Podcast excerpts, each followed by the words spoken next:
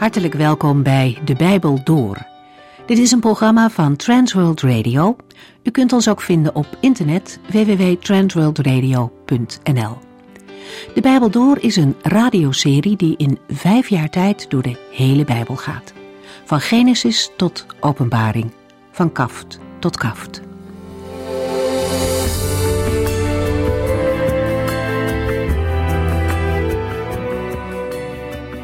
In onze vorige uitzending stonden we stil bij Psalm 51. Een lied waar David heel open en persoonlijk is over zijn misstap met Bathseba. Hij heeft deze psalm geschreven nadat de profeet Nathan bij hem was gekomen om hem te wijzen op zijn zonde. De woorden van Nathan, of eigenlijk van de Heere zelf, openen David de ogen. Hij ziet in wat hij heeft gedaan en hij erkent dat ook. Uit de hele psalm blijkt hoe oprecht en intens zijn berouw is. Gedane zaken nemen geen keer. Maar in een relatie met de Heere is dat gelukkig niet het laatste wat er over een misstap te zeggen valt. David wijst ook ons de weg. Hij laat ons zien naar wie we mogen toegaan met de last die zonde heet. Hij brengt het bij God en erkent dat hij in de allereerste plaats tegen de Heere gezondigd heeft. Overspel is niet alleen een verkeerde stap tussen mensen, maar ook naar God toe heeft het consequenties. Jozef erkende dat ook al. Toen de vrouw van Potifar hem wilde verleiden, weigerde hij en zei: Hoe zou ik dit grote kwaad doen en zondigen tegen God? Hij zegt niet zondigen tegen Potifar, maar tegen God. In Psalm 51 blijkt dat David de verantwoordelijkheid voor zijn zonde erkent. Hij draagt ook geen verzachtende omstandigheden aan. Hij probeert er niet onderuit te komen, maar hij doet ook niet alsof het maar een kleinigheid is. Deze sterke koning, die gewend was om dicht bij de Heere te leven, hij draait er niet omheen. Hij heeft vergeving nodig, voordat hij verder kan. Het moet in orde zijn met de Heere, en daarin is David niet halfslachtig. Hij smeekt om die vergeving. Mooi is ook dat hij daarbij niet alleen kijkt naar zichzelf. Als de relatie tussen hem en de Heere weer in orde is, heeft dat consequenties. Dan kan David weer in alle oprechtheid offeren. En hij beseft maar al te goed dat het de Heere niet om een uiterlijke eredienst gaat, maar om datgene wat er in iemands hart leeft. Een tweede gevolg is dat David dan zelf weer zondaars de weg naar de Heere kan wijzen. En dat is wat hij met deze en de volgende psalmen dan ook doet. We lezen verder, psalm 52.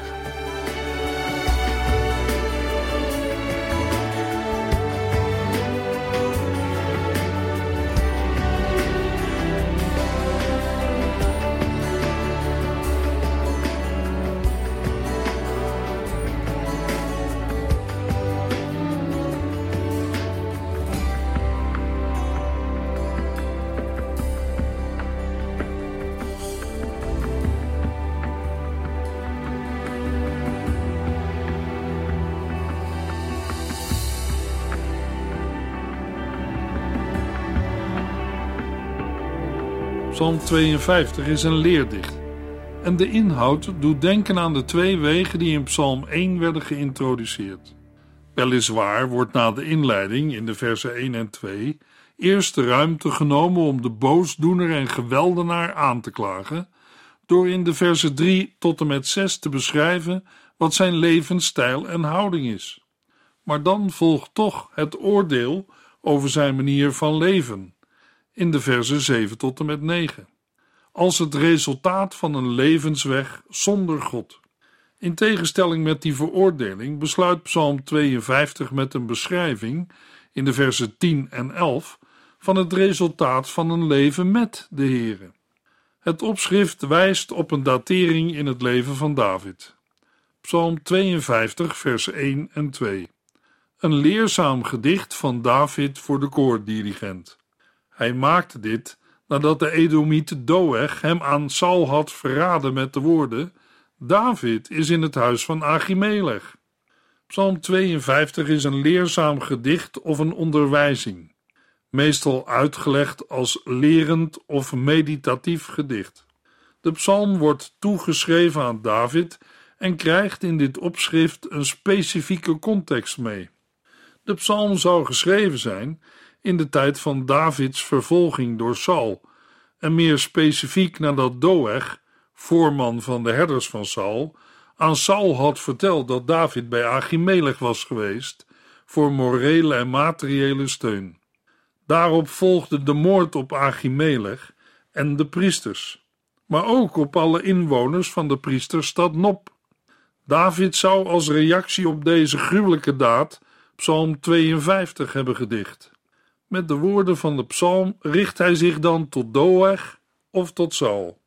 Maar deze opvatting stuit dan wel op een aantal moeilijkheden. Nergens in de psalm wordt verwezen naar de moordpartij in de priesterstad Nop.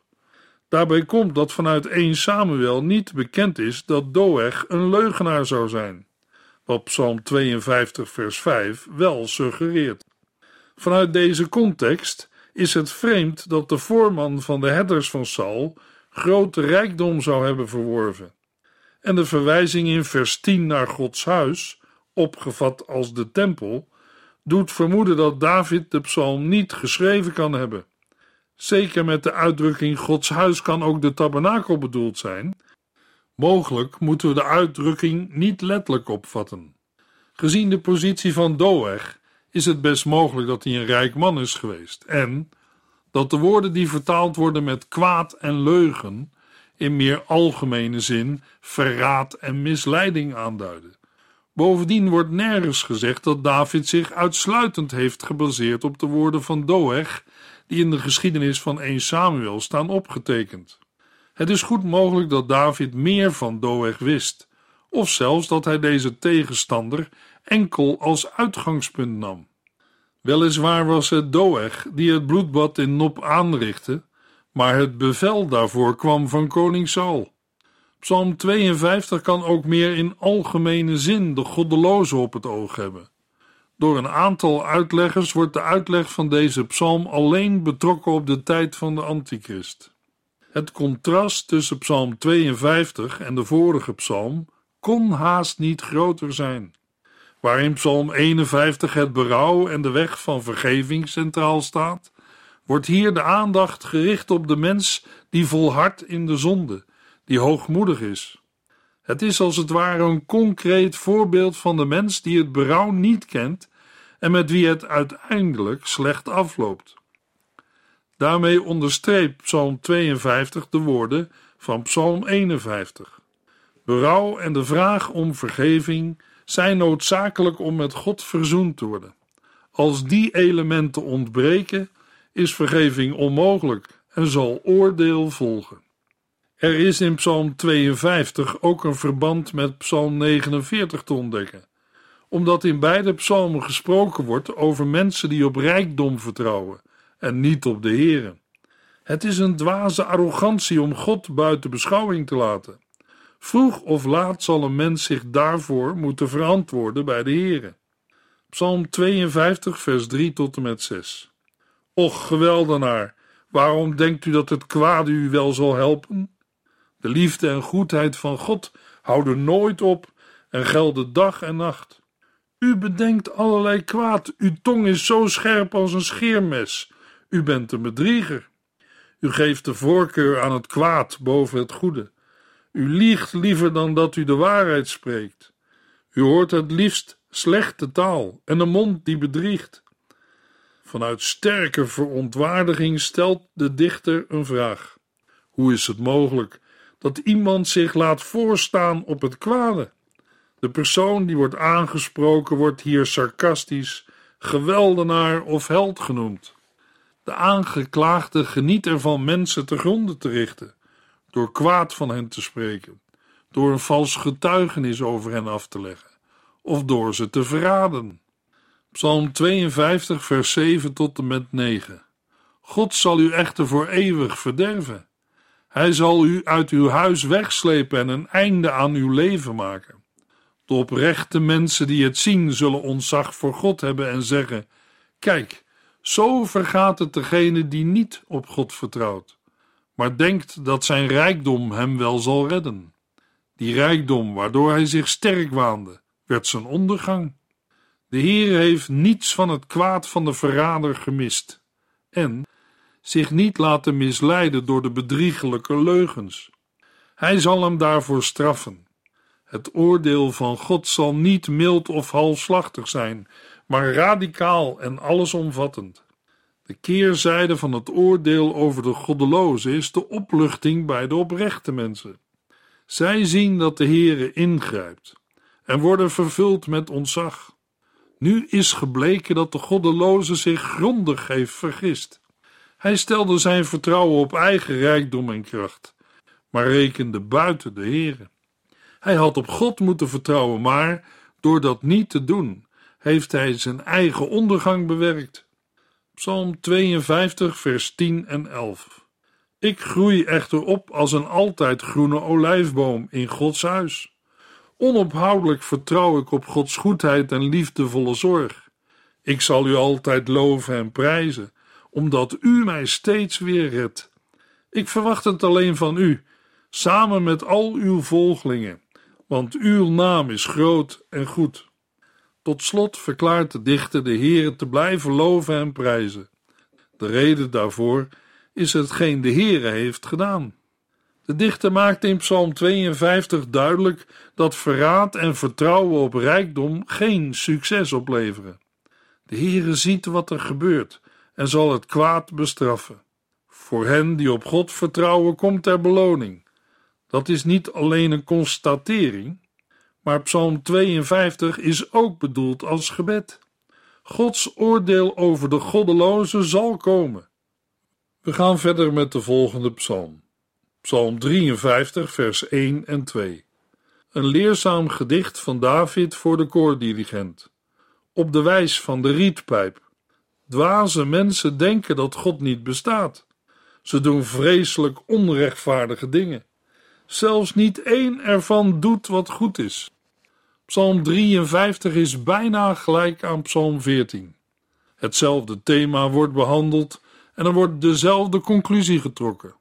Al blijkt tegen het einde van het lied dat de invalshoek wat is gewijzigd.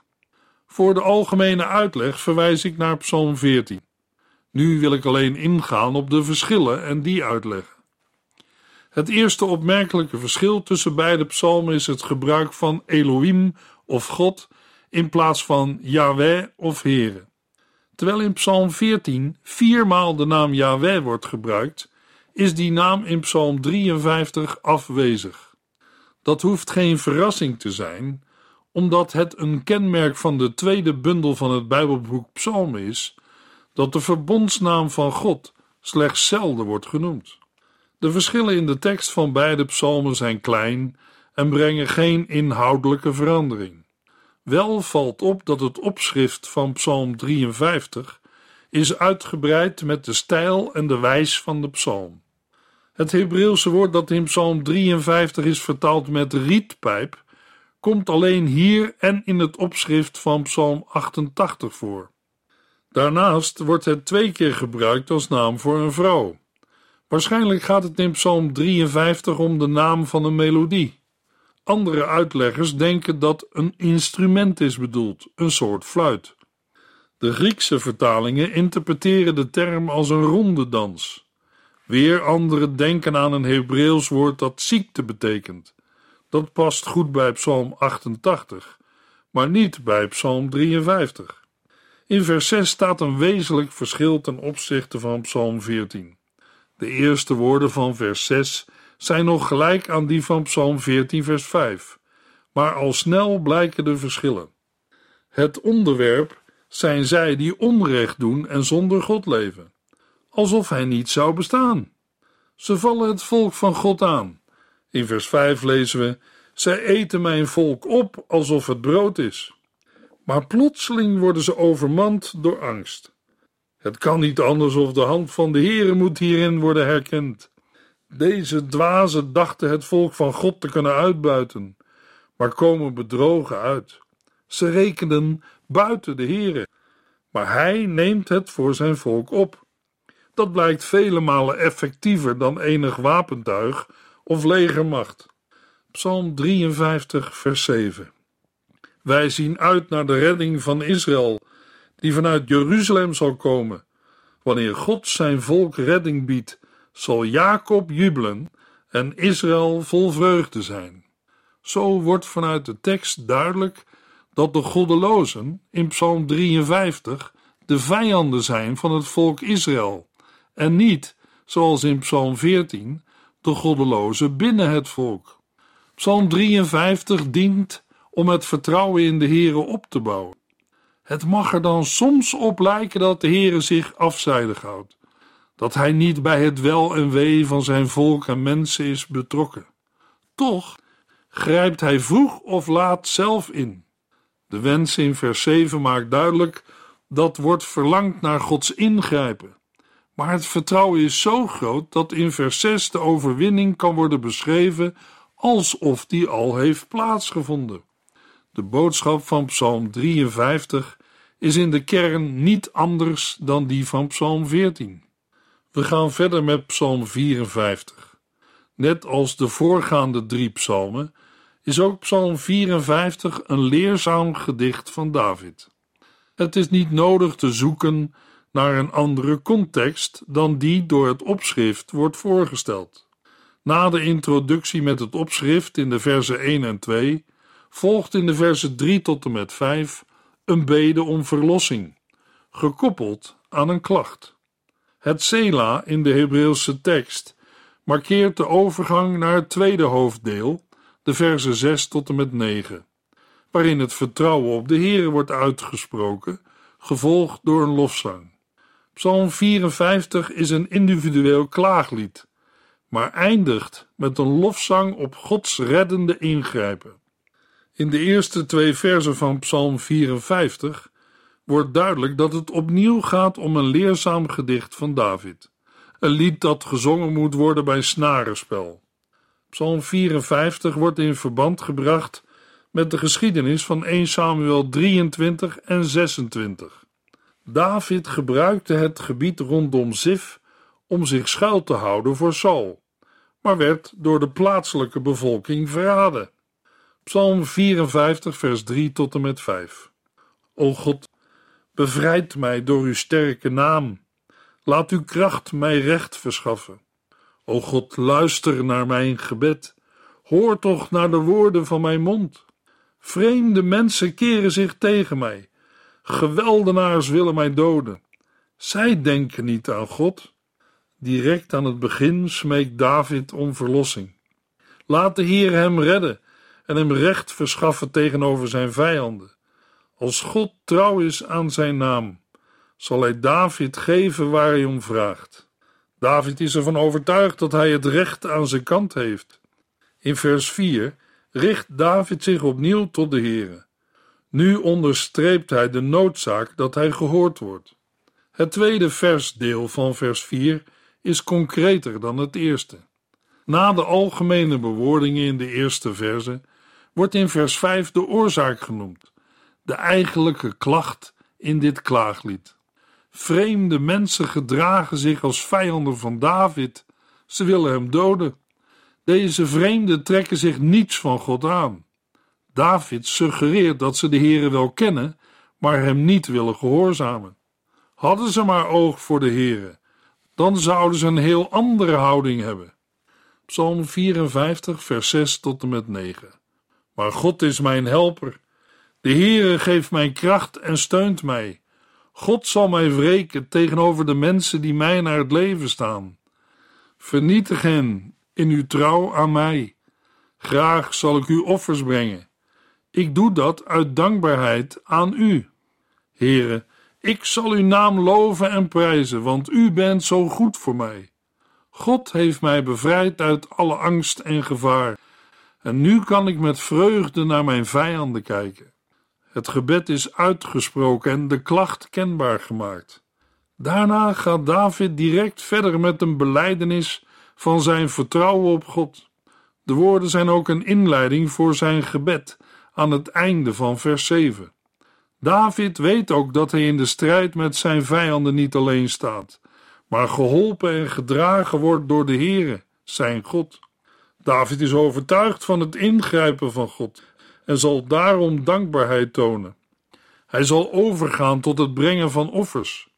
Deze vrijwillige offers zijn geen vorm van manipulatie om de gewenste uitkomst te verkrijgen, maar komen op uit het hart en tonen Davids dankbaarheid.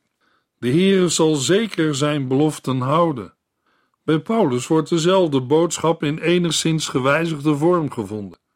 De apostel spreekt over lijden, maar dat lijden, hoe het zich ook openbaart, zal een gelovige nooit van de Heere kunnen scheiden. Voor Paulus is de oorzaak voor dat vertrouwen nog specifieker, want de basis van de verbondenheid met de Heere is Jezus Christus. Hoe is dat bij u, luisteraar? We lezen verder in Psalm 55, vers 1.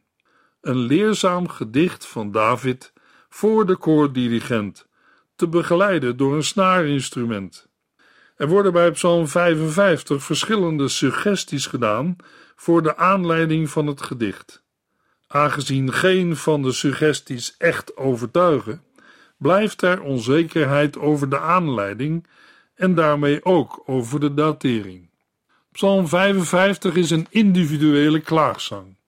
Toch gaat de psalm verder. Het vertrouwen dat in het tweede deel klinkt, is opmerkelijk groot.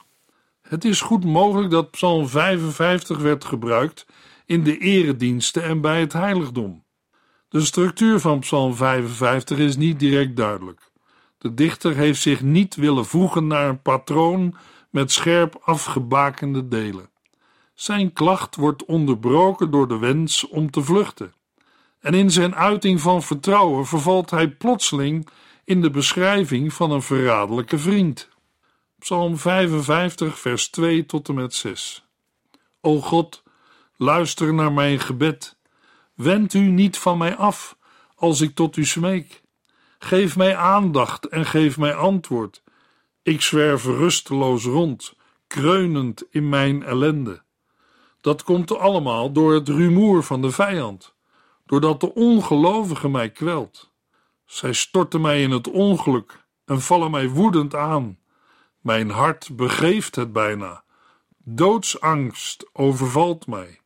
Angst en beven zijn mijn deel en de schrik verlamt mij. De dichter roept het uit tot God. Het gebed is meer dan een vraag om aandacht, want de woorden worden elders in verband gebracht met hulp die aan anderen geboden moet worden. Zo spreekt David al uit dat hij Gods hulp verwacht. In vers 3 wordt de schreeuw om aandacht herhaald met een verzoek om antwoord. De nood van de dichter is groot. Reden voor deze houding is het rumoer van de vijand. Te denken valt aan dreigende taal, waarin spot en vernedering doorklinken. Vanuit hun woede maken zijn tegenstanders het David bijzonder moeilijk. Het gevolg is dat David zichzelf bijna volledig in emoties verliest. De angst wordt met verschillende termen beschreven om de gruwelijke realiteit ervan te onderstrepen. In de versen 7 tot en met 9 maakt David duidelijk dat hij er het liefste vandoor wil gaan. Hij wenst vleugels voor zichzelf, zodat hij als een duif kan vluchten. David wenst zich net als een duif ver van het gevaar te verwijderen en verlangt te overnachten in de woestijn. In vers 10 wordt over de stad gesproken. Opvallend is dat meestal over de stad wordt gesproken als een veilige plaats en over de woestijn als gevaarlijk. Maar in Psalm 55 is die waardering omgedraaid. In de versen 10 tot en met 13 vervolgt David zijn gebed en klacht. David keert van zijn verlangens terug tot de werkelijkheid. Hij kan niet vluchten als een duif en kan zijn belagers niet ontlopen. Als hij zich dat realiseert, keert hij zich weer tot zijn enige hoop, de Heere, zijn God. Hij is geconfronteerd met geweld en strijd in een stad, waarschijnlijk Jeruzalem. Die situatie is door zijn vijanden veroorzaakt. David vraagt om goddelijk ingrijpen. Laat de Heere deze mensen tegenhouden. Laat hun plannen in de war worden gestuurd. Immers, in de straten van de stad heersen ongeluk en moeite. Zo schildert David de ellende van de stad en wordt zijn wens naar de woestijn te vluchten begrijpelijk. Psalm 55, vers 14 en 15. maar het is een goede vriend. Iemand als ik die ik altijd heb vertrouwd. Wij gingen zo vertrouwelijk met elkaar om. Samen gingen we met alle feestgangers naar Gods huis. In vers 14 en 15 treedt een enigszins vreemde wending op. Waar eerder in het meervoud gesproken werd over de vijanden, wordt de aandacht nu verlegd naar een enkele tegenstander. De situatie is extra pijnlijk, omdat deze tegenstander geen vijand was. Het is een bekende, een vertrouweling, iemand die zo dicht bij hem stond dat hij alles met hem kon delen. Zelfs op de godsdienstige feestdagen zochten ze elkaar op om de feesten gezamenlijk te beleven. In vers 16 wordt alle emotie omgezet in een vervloeking. Vers 17 tot en met 20 geven aan dat ondanks zijn situatie David vasthoudt aan het vertrouwen dat hij door de Heere verlost zal worden. Een aantal keren lezen we dat David zegt: Hij, de Heere, luistert naar mij. In de versen 21 en 22 vindt er weer een plotselinge gedachtesprong plaats. Alsof de dichter zich opeens bedenkt dat hij nog onvoldoende aandacht heeft besteed aan de manier waarop zijn voormalige vriend met mensen is omgegaan. In het slot van vers 22 lezen we: Zijn uitspraken strelen het gehoor, maar in feite zijn het getrokken zwaarden. Psalm 55, vers 23 en 24. Breng al uw moeilijkheden bij de Heere. Hij zorgt altijd voor u. Hij zal nooit toelaten dat een volgeling van hem struikelt of valt. O God, ik weet dat u uw tegenstanders zult vernietigen, allen die uit zijn op bloedvergieten en bedriegen. Zij zullen niet oud worden, maar ik stel heel mijn vertrouwen op u. Hoe leven wij in de wereld van vandaag? Haten en bekritiseren wij mensen om wat ze ons aandoen? Gaan we schreeuwen als we zijn verraden en ons onrecht is aangedaan? Laten we beginnen op de Here te vertrouwen en alles in zijn handen leggen. In de volgende uitzending lezen we Psalm 56 tot en met 60.